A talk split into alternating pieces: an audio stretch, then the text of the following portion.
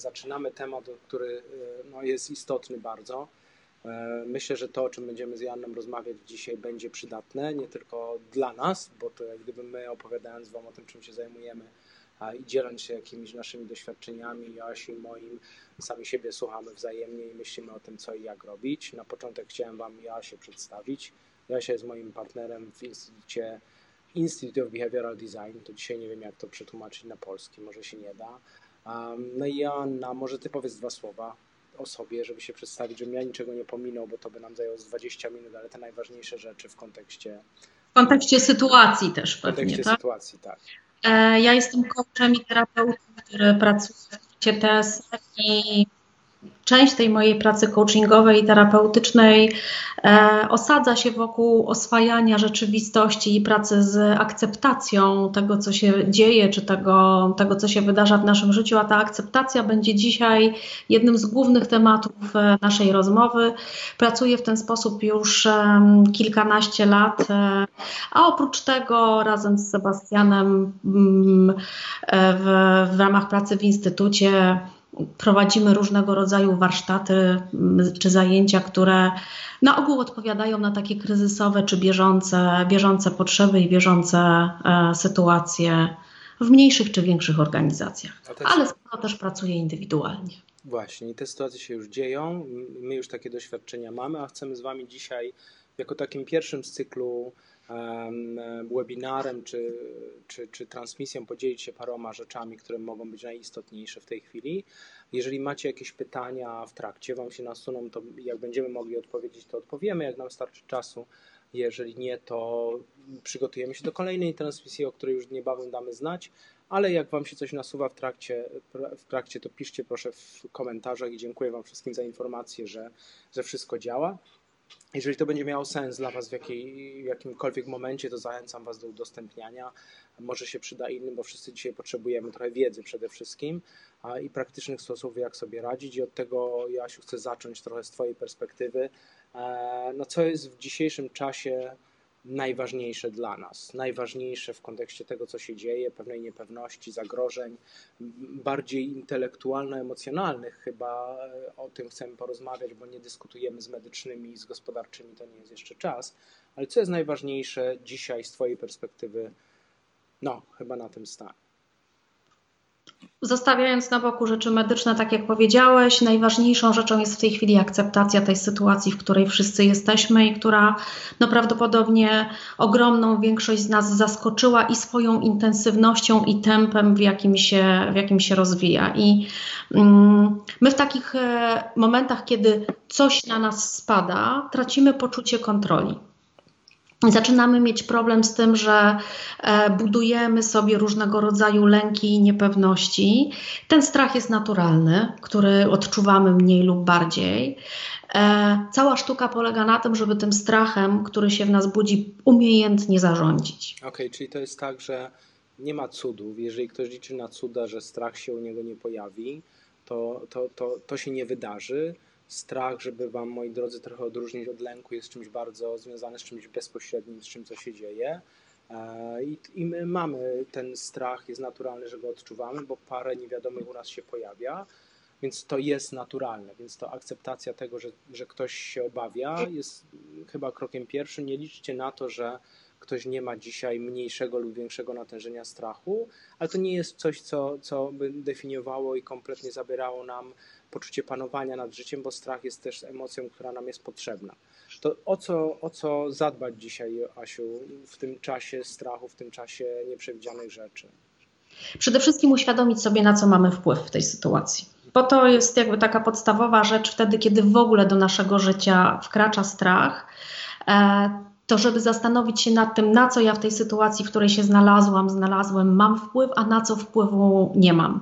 My mamy taki bardzo naturalny odruch, że bardzo często koncentrujemy się na rzeczach, na które nie mamy wpływu. A to tylko pogłębia naszą frustrację, bo działamy nie widząc efektu albo widząc więc wręcz kontrefekt, tak? W związku z tym lepiej jest przede wszystkim skoncentrować się na tym, na co mamy wpływ, zrobić sobie listę rzeczy, na co ja mam wpływ w tej sytuacji, w której jestem, tego mniejszego lub większego zamknięcia, tego mniejszego lub większego poczucia odizolowania i tego, że ktoś mi coś narzucił i że teraz przez dwa tygodnie, oby przez dwa tygodnie, nie mogę wyjść z domu, nie mogę zrobić iluś rzeczy, które chciałam, chciałem zrobić, które miałem zaplanowane. Mhm i czuję się ograniczony. To ja mam jedno pytanie w związku z tym, bo jak rozmawialiśmy wcześniej, powiedziałaś trochę, że, że to, co jest najistotniejsze jako ten pierwszy kto, to jest zadbać o siebie. To, co jest najważniejsze w tym momencie i to jest to, na co my mamy wpływ. Więc jak mówimy o zadbaniu o siebie, to z Twojej perspektywy, to co to jest zadbanie o siebie? Takie, jakieś najprostsza rzecz zadbania o siebie w takiej sytuacji, to co to będzie? No to jest przede wszystkim to, żeby e, nie boksować się z sytuacją, tak? Nie, nie mówić sobie, a to ja spróbuję, to ja ucieknę i tak dalej. Druga bardzo ważna rzecz to jest bardzo mądrze zarządzić tym, w jaki sposób my dopuszczamy do siebie informacje o tym, co się dzieje. Nie być cały czas pod, w internecie, nie mieć cały czas włączonego telewizora czy radia i nie, sły, nie słuchać o kolejnym e, przypadku, o kolejnym zachorowaniu, tylko powiedzieć sobie, ok, potrzebuję być poinformowany, bo każdy z nas w mniejszym lub większym stopniu potrzebuje być w tej chwili poinformowany, ale sprawdzam te informacje, te informacje dwa, trzy razy dziennie. Wystarczy. Mhm. Czyli to jest to, co mówisz, to jest e, to, co dla nas jest niebezpieczne i tak na co dzień, czyli takie ciągłe siedzenie w online i ciągłe stymulowanie się przez dopaminę, która jest takim bodźcem, bo, bo jesteśmy. Dzisiaj jest jeszcze większym niebezpieczeństwem, dlatego że my na poziomie biologicznym i tak mamy jakiś strach, jest sytuacja nowa dla nas, chyba dla nas wszystkich, bo to ja w życiu czegoś takiego nie przeżyłem i tego typu doświadczeń, a teraz tym bardziej powinniśmy ograniczyć trochę to stymulowanie się zewnętrzne, żeby trochę ten mózg nas nie, na, nasz nie wariował. E, znaczy, żeby nas nie tak? rozsadziło od wewnątrz trochę, tak? No bo jeżeli my cały czas słuchamy o, o kolejnych zachorowaniach, czy w Polsce, czy za granicą, o kolejnych, e, o tym, że kolejna osoba zmarła, to automatycznie ten strach się w nas nawarstwia i robi się trochę efekt kuli kuli śniegowej. Dlatego naprawdę bardzo ważne jest to, żeby się odcinać od tych informacji albo świadomie się w nie włączać, e, tak żeby wiedzieć, co się dzieje, bo to z kolei jest nam potrzebne do tego, żebyśmy mieli poczucie, że kontrolujemy w sytuację w tym znaczeniu, że nie wypadliśmy z, tej, z tej info, z nie informacji. Nie ignorujemy, bo, bo jak jest dużo, dużo rzeczy się dzisiaj pojawia, tam zostawmy, wszyscy mieć pozytywne nastawienie, wieszałem, to trzeba mieć na tyle, na ile to jest możliwe, ale to jest tak, nie odrywajmy się od rzeczywistości, warto sprawdzać, co się dzieje, ale nie sprawdzać co godzinę albo cały czas, E, określić sobie jakieś źródło informacji, które opiera się najbardziej na, na, na faktach tak, albo na wiarygodnych informacjach. Ja też myślę sobie, bo ja w ciągu ostatnich dni dostałem tyle wiadomości na messengerach różnego rodzaju, od skrajnych panik, poprzez jakieś historie ludzi od przepraszam, od Singapuru do Włoch, które są kompletnie jakieś nieprzewidziane. Jak słucham tego z z perspektywy statystycznej i wiarygodnościowej, oprócz tego, że tam jest pewnie część prawdy w tym, ale jak gdyby emocje ludzi i pokazywanie tego z perspektywy osoby poprzez jakieś e, klasyczne elementy niepokoju, jakichś złudzeń poznawczych generuje więcej lęku niż, niż tego, co pomaga, więc chyba moje też takie spostrzeżenie, nie dystrybuujmy my bardziej, ludzie, którzy powinni być świadomi, słuchacie tego teraz, nie dystrybuujmy tych treści, bo my tylko zamiast wzmacniać jakoś poczucie stabilizacji, jeszcze go bardziej e, rozlegowujemy, prawda? Mhm. E, to, to na pewno, no też e, jakby sobie powiedzieć, myślę, że wszyscy jesteśmy tego świadomi, że ta sytuacja się jeszcze będzie rozwijała i też lepiej już w tej chwili wyrabiać w sobie to poczucie akceptacji, że ta sytuacja się jeszcze będzie rozwijała, niż codziennie jakby dawać się zaskakiwać kolejnym, czy, czy dawać się niepokoić kolejnym informacjom związanym ze, wzrost, ze wzrostem liczby zachorowań, czy kolejnymi decyzjami, które będą albo nie będą do nas, do nas przychodziły to e, zadbanie o siebie to jest też znalezienie sobie takiego obszaru, w którym my mamy poczucie sprawczości. No bo to, co nam e, w tej chwili doskwiera w większości, w mniej lub bardziej uświadomiony sposób, to to jest to, że nam zabrano poczucie sprawczości, bo my nie możemy decydować o tym, co robimy. W związku z tym e, dbanie o siebie w tej sytuacji, w której jesteśmy, to jest przeniesienie tego poczucia sprawczości na jakiś taki mniejszy obszar. Każdy z nas prawdopodobnie przynajmniej raz w życiu miał taką sytuację, że myślał, czego on by nie zrobił, jakby miał takie dwa tygodnie, że może siedzieć w domu i z niego nie wychodzić. Mhm. To jest czas na te rzeczy. Okej, okay. no to, to, jest, to jest moje też spostrzeżenie takie i to jest też chyba ważny wątek, o którym rozmawialiśmy z Wojtkiem kilka dni temu. Jak masz ten czas, to wymaga to też od nas pewnej dyscypliny działania, nie rozleniwiania się w sensie takim emocjonalnym, tylko wykorzystania tego czasu, bo to też koncentruje naszą uwagę. Często ludzie mówią o tym, jak nie panikować, no to jak unikać tej paniki, albo takiej wewnętrznej, albo napięcia, to trzeba czymś się zająć, no bo mózg działa w taki sposób, że ukierunkowany skupia się na tym, co my robimy, żeby zmienić trochę naszą koncentrację z tego z niepokoju, z tego, co się dzieje w mediach albo wśród e, być może naszych znajomych, to trzeba sobie zadawać inne pytania. A takim prostym pytaniem jest to, czego ja się mogę teraz nauczyć, co ja mogę zrobić w tym czasie, co jest dzisiaj, jaką książkę mogę przeczytać. Ktoś powie, no dobra, to co ja będę książkę czytał, jak tu jakaś pandemia jest? No tak. Jest jeszcze jedno, Sebastian, mhm. bardzo istotne pytanie. Co jest dla mnie dobrego w tej sytuacji? Mhm. To jest bardzo istotny element. Jak ja mogę zyskać na tym? Ja, moja rodzina, moi najbliżsi, moi przyjaciele, jak ja mogę na tej sytuacji e, zyskać? No tak, bo prędzej czy później, zakładając przynajmniej statystykę, ta sytuacja się skończy. I to jest czas, który jest dla nas niepowtarzalny, bo nie mamy wyboru, bo jesteśmy w, w takiej, a nie innej sytuacji w domu, powinniśmy być i takie są zalecenia, no to warto, warto, warto ten czas wykorzystać. Asiu, ja mam jeszcze takie pytanie trochę jak gdyby z drugiej beczki. Jak mamy jakieś emocje, no bo, bo te, ten strach jest jedną z emocji, o których mówimy, to jak radzić sobie z takimi emocjami, które w pytaniach się powtarzały bardzo często przez kilka ostatnich dni, gdzie ja prosiłem audytorium i, osób, które gdzieś tam są w ramach mojej społeczności, jak sobie radzić z przygnębieniem. Co to jest, no bo, bo to nas dotyka, tak? To jest ten trochę strach, idzie głębiej, lęk e, jakiś się uruchamia, no bo wszyscy mamy jakieś swoje doświadczenia i takie napięcie uruchamia też lęk, to jak radzić sobie z przygnębieniem? A jeszcze zanim Cię poproszę o odpowiedź, to jeżeli uważacie, że to ma sens, o czym my mówimy trochę i Wam pomaga, to dajcie nam tutaj do góry znać jakoś e, kciukiem, a jeżeli uważacie, że to może komuś pomóc, to udostępniajcie, bo, bo myślę, że to jest pomocne i trafi do kogoś. Bez Waszej pomocy być może by nie trafiło, a teraz temat jest ważny. Przygnębienie. Jak sobie radzić z przygnębieniem? Co Ty myślisz o tym kontekście? No, trochę tutaj będzie to bardziej złożone, bo to w jaki sposób my sobie radzimy z przygnębieniem zależy od tego, jacy my jesteśmy. I jakie my w ogóle mamy doświadczenia i nawyki związane z radzeniem sobie z tymi negatywnymi nastrojami negatywnymi stanami emocjonalnymi. Na pewno jedną z takich bardzo przydatnych rzeczy w radzeniu sobie z przygnębieniem jest wytworzenie sobie pewnego rodzaju rytuałów. Mhm w, te, w, tej sytuacji, w której my jesteśmy, tak? Czegoś, co będzie nam dawało oddech, czegoś, co będzie budowało nam poczucie bezpieczeństwa, no bo to przygnębienie bierze się z czego? Między innymi z tego, że my mamy zaburzone poczucie bezpieczeństwa w jakiś tam sposób, tak? E, więc e, być może, że wytworzenie sobie jakiegoś e, drobnego jednego czy dwóch rytuałów, pewnego porządku dnia. Czyli na przykład, jak mówisz o rytuałach, mówimy o spacerze, tak?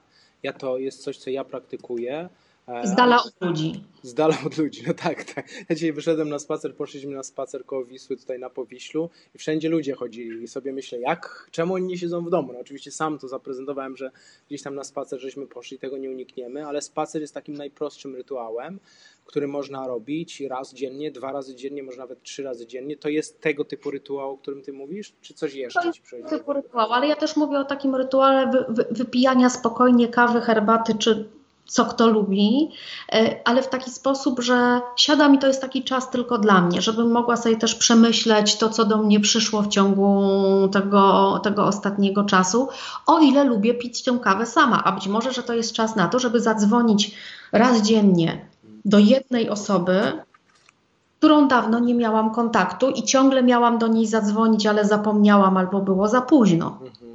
No tak, to jest super. I tą kawę można wypić z kimś, z kim rozmawiamy przez telefon i to też jest sposób. Okej, okay, a frustracja, jak popatrzysz na tym, trochę chyba już o tym powiedzieliśmy, ale no, no, są frustrujące sytuacje, tak? Nie mogę iść do pracy, nie mogę porozmawiać z kimś. Niektórzy są wręcz uziemieni, bo nie mogą pracować z klientami. No. Czy coś tutaj, przypadków jest milion, ale ta frustracja to jest taka złość nasza trochę. I teraz zobacz, Sebastian, co powiedziałeś. Zacząłeś opisywać sytuację przez nie mogę. Mhm. Zadaj sobie pytanie, co mogę. Mhm. No ale nie mogę iść do klienta, jak, jak idę. To... Ale może mogę coś dla tego klienta przygotować, może no. mogę do niego zadzwonić, może mogę do niego napisać. Czyli mówisz o tym, żeby, żeby frustrację redukować poprzez jakąś taką bardzo jasne skupienie na, na sferze kontroli naszej, a nie uciekanie. I na, na co mam wpływ? Wracamy do początku, tak? No bo nie mam wpływu na to, że nie mogę iść do klienta, mhm. ale mam wpływ na to, e, co ja zdecyduję, co ja innego mogę zrobić i na co ja wykorzystam ten czas. Mhm. E, no to jeszcze jedna rzecz, właściwie ostatni temat, na, który na dzisiaj mam, żebyśmy omówili i teraz pomyślałem sobie, że to jest dobry wątek, e, który mm, możemy zrobić na kolejnej naszej transmisji w tym temacie. Różnie ludzie reagują na sytuację niepewności. E, jak zrozumieć zachowania innych ludzi, bo tak jedni będą siedzieli w domu, inni będą wychodzili, jeszcze inni będą, nie wiem, oglądali Netflixa. Ludzie mają różnego rodzaju sposób reagowania, nie tylko ten związany ze stresem i z napięciem, ale różnie reagują. Z czego to wynika i, i co robić w takich sytuacjach, kiedy widzimy Wynika skrajność? z tego, że jesteśmy różni, tak? To wynika z tego, że my mamy różne typy osobowości, różne doświadczenia e, związane z tym, jak sobie radzić w takich sytuacjach i też różnie jesteśmy wychowani. Ty powiedziałeś, jak zrozumieć. Ja nie jestem przekonana, że my musimy rozumieć kogoś, kto się zachowuje inaczej niż my.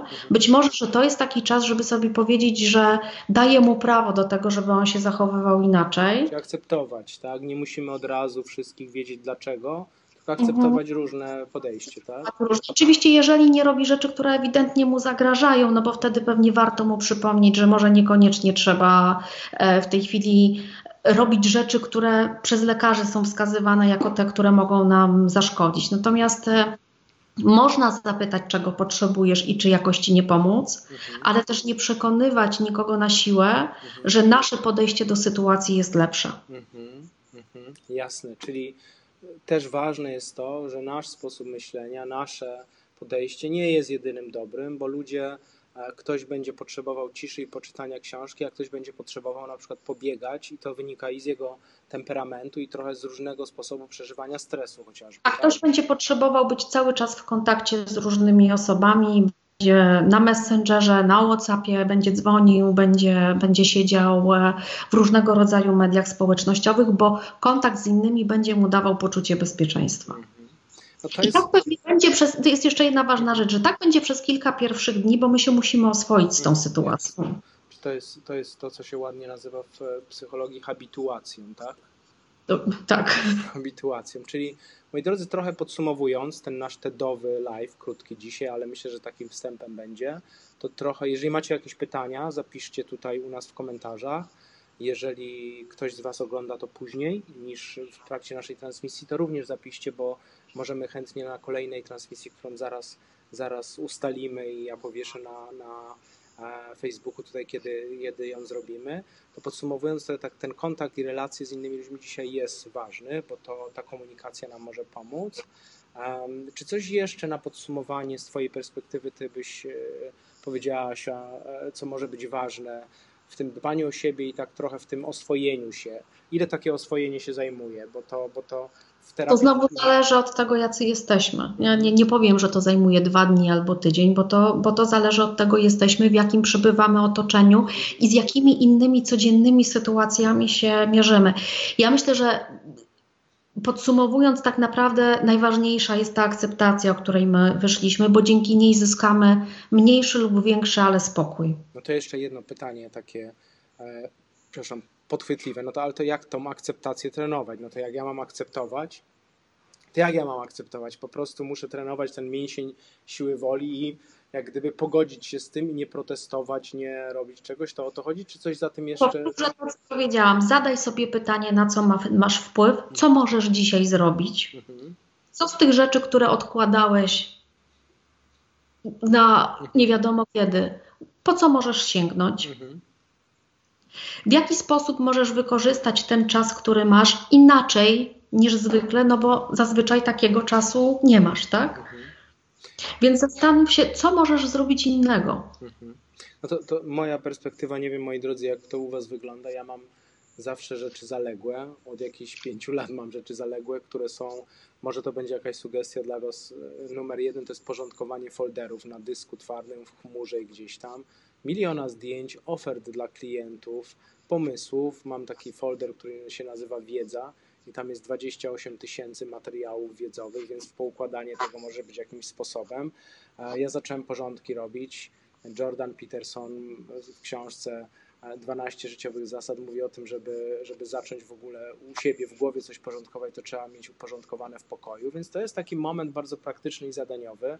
Ja posprzątałem tu w biurku moje szuflady, nie mogę Wam pokazać jak to wygląda, ale to wygląda naprawdę ładnie. Są takie drobne rzeczy, które nam dają też takie poczucie progresu i, i wyrzutu dopaminy trochę i zadowolenia i satysfakcji w tej sytuacji, w której my jesteśmy i skupienia się na tym, co my możemy kontrolować i robić.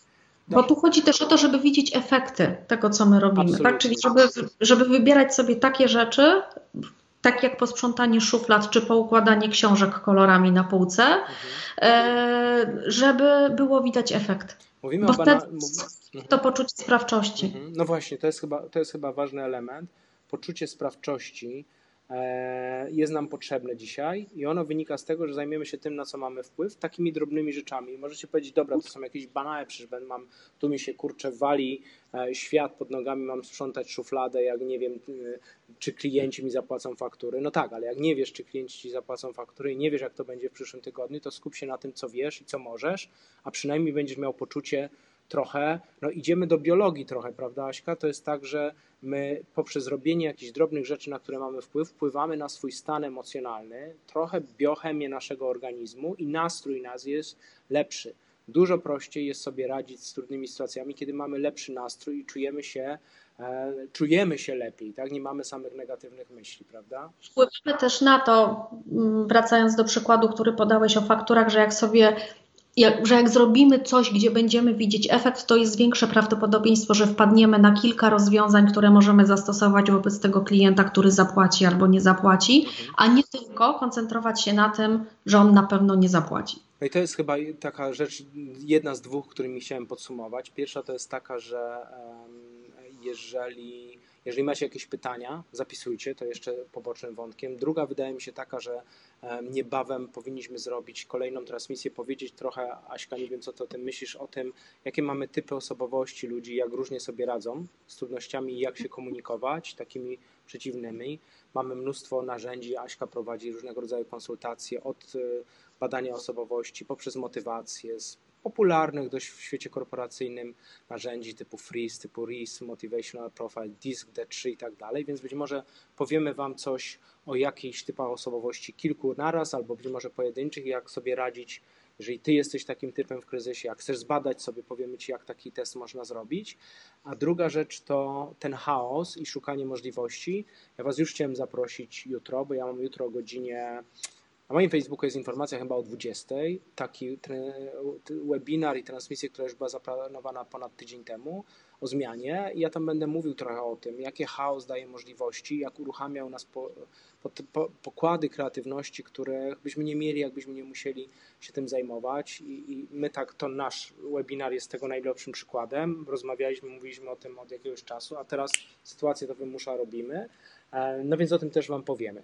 Moi drodzy, bardzo dziękuję Wam za udział. Aśka, bardzo, bardzo dziękuję za Twój czas. Jeżeli macie jakieś pytania, zapraszamy. Jeżeli uważacie, że to miało sens, e, udostępniajcie dalej, może to komuś pomoże. Bardzo dziękujemy. Wszystkiego dobrego. Do zobaczenia następnym razem. Cześć.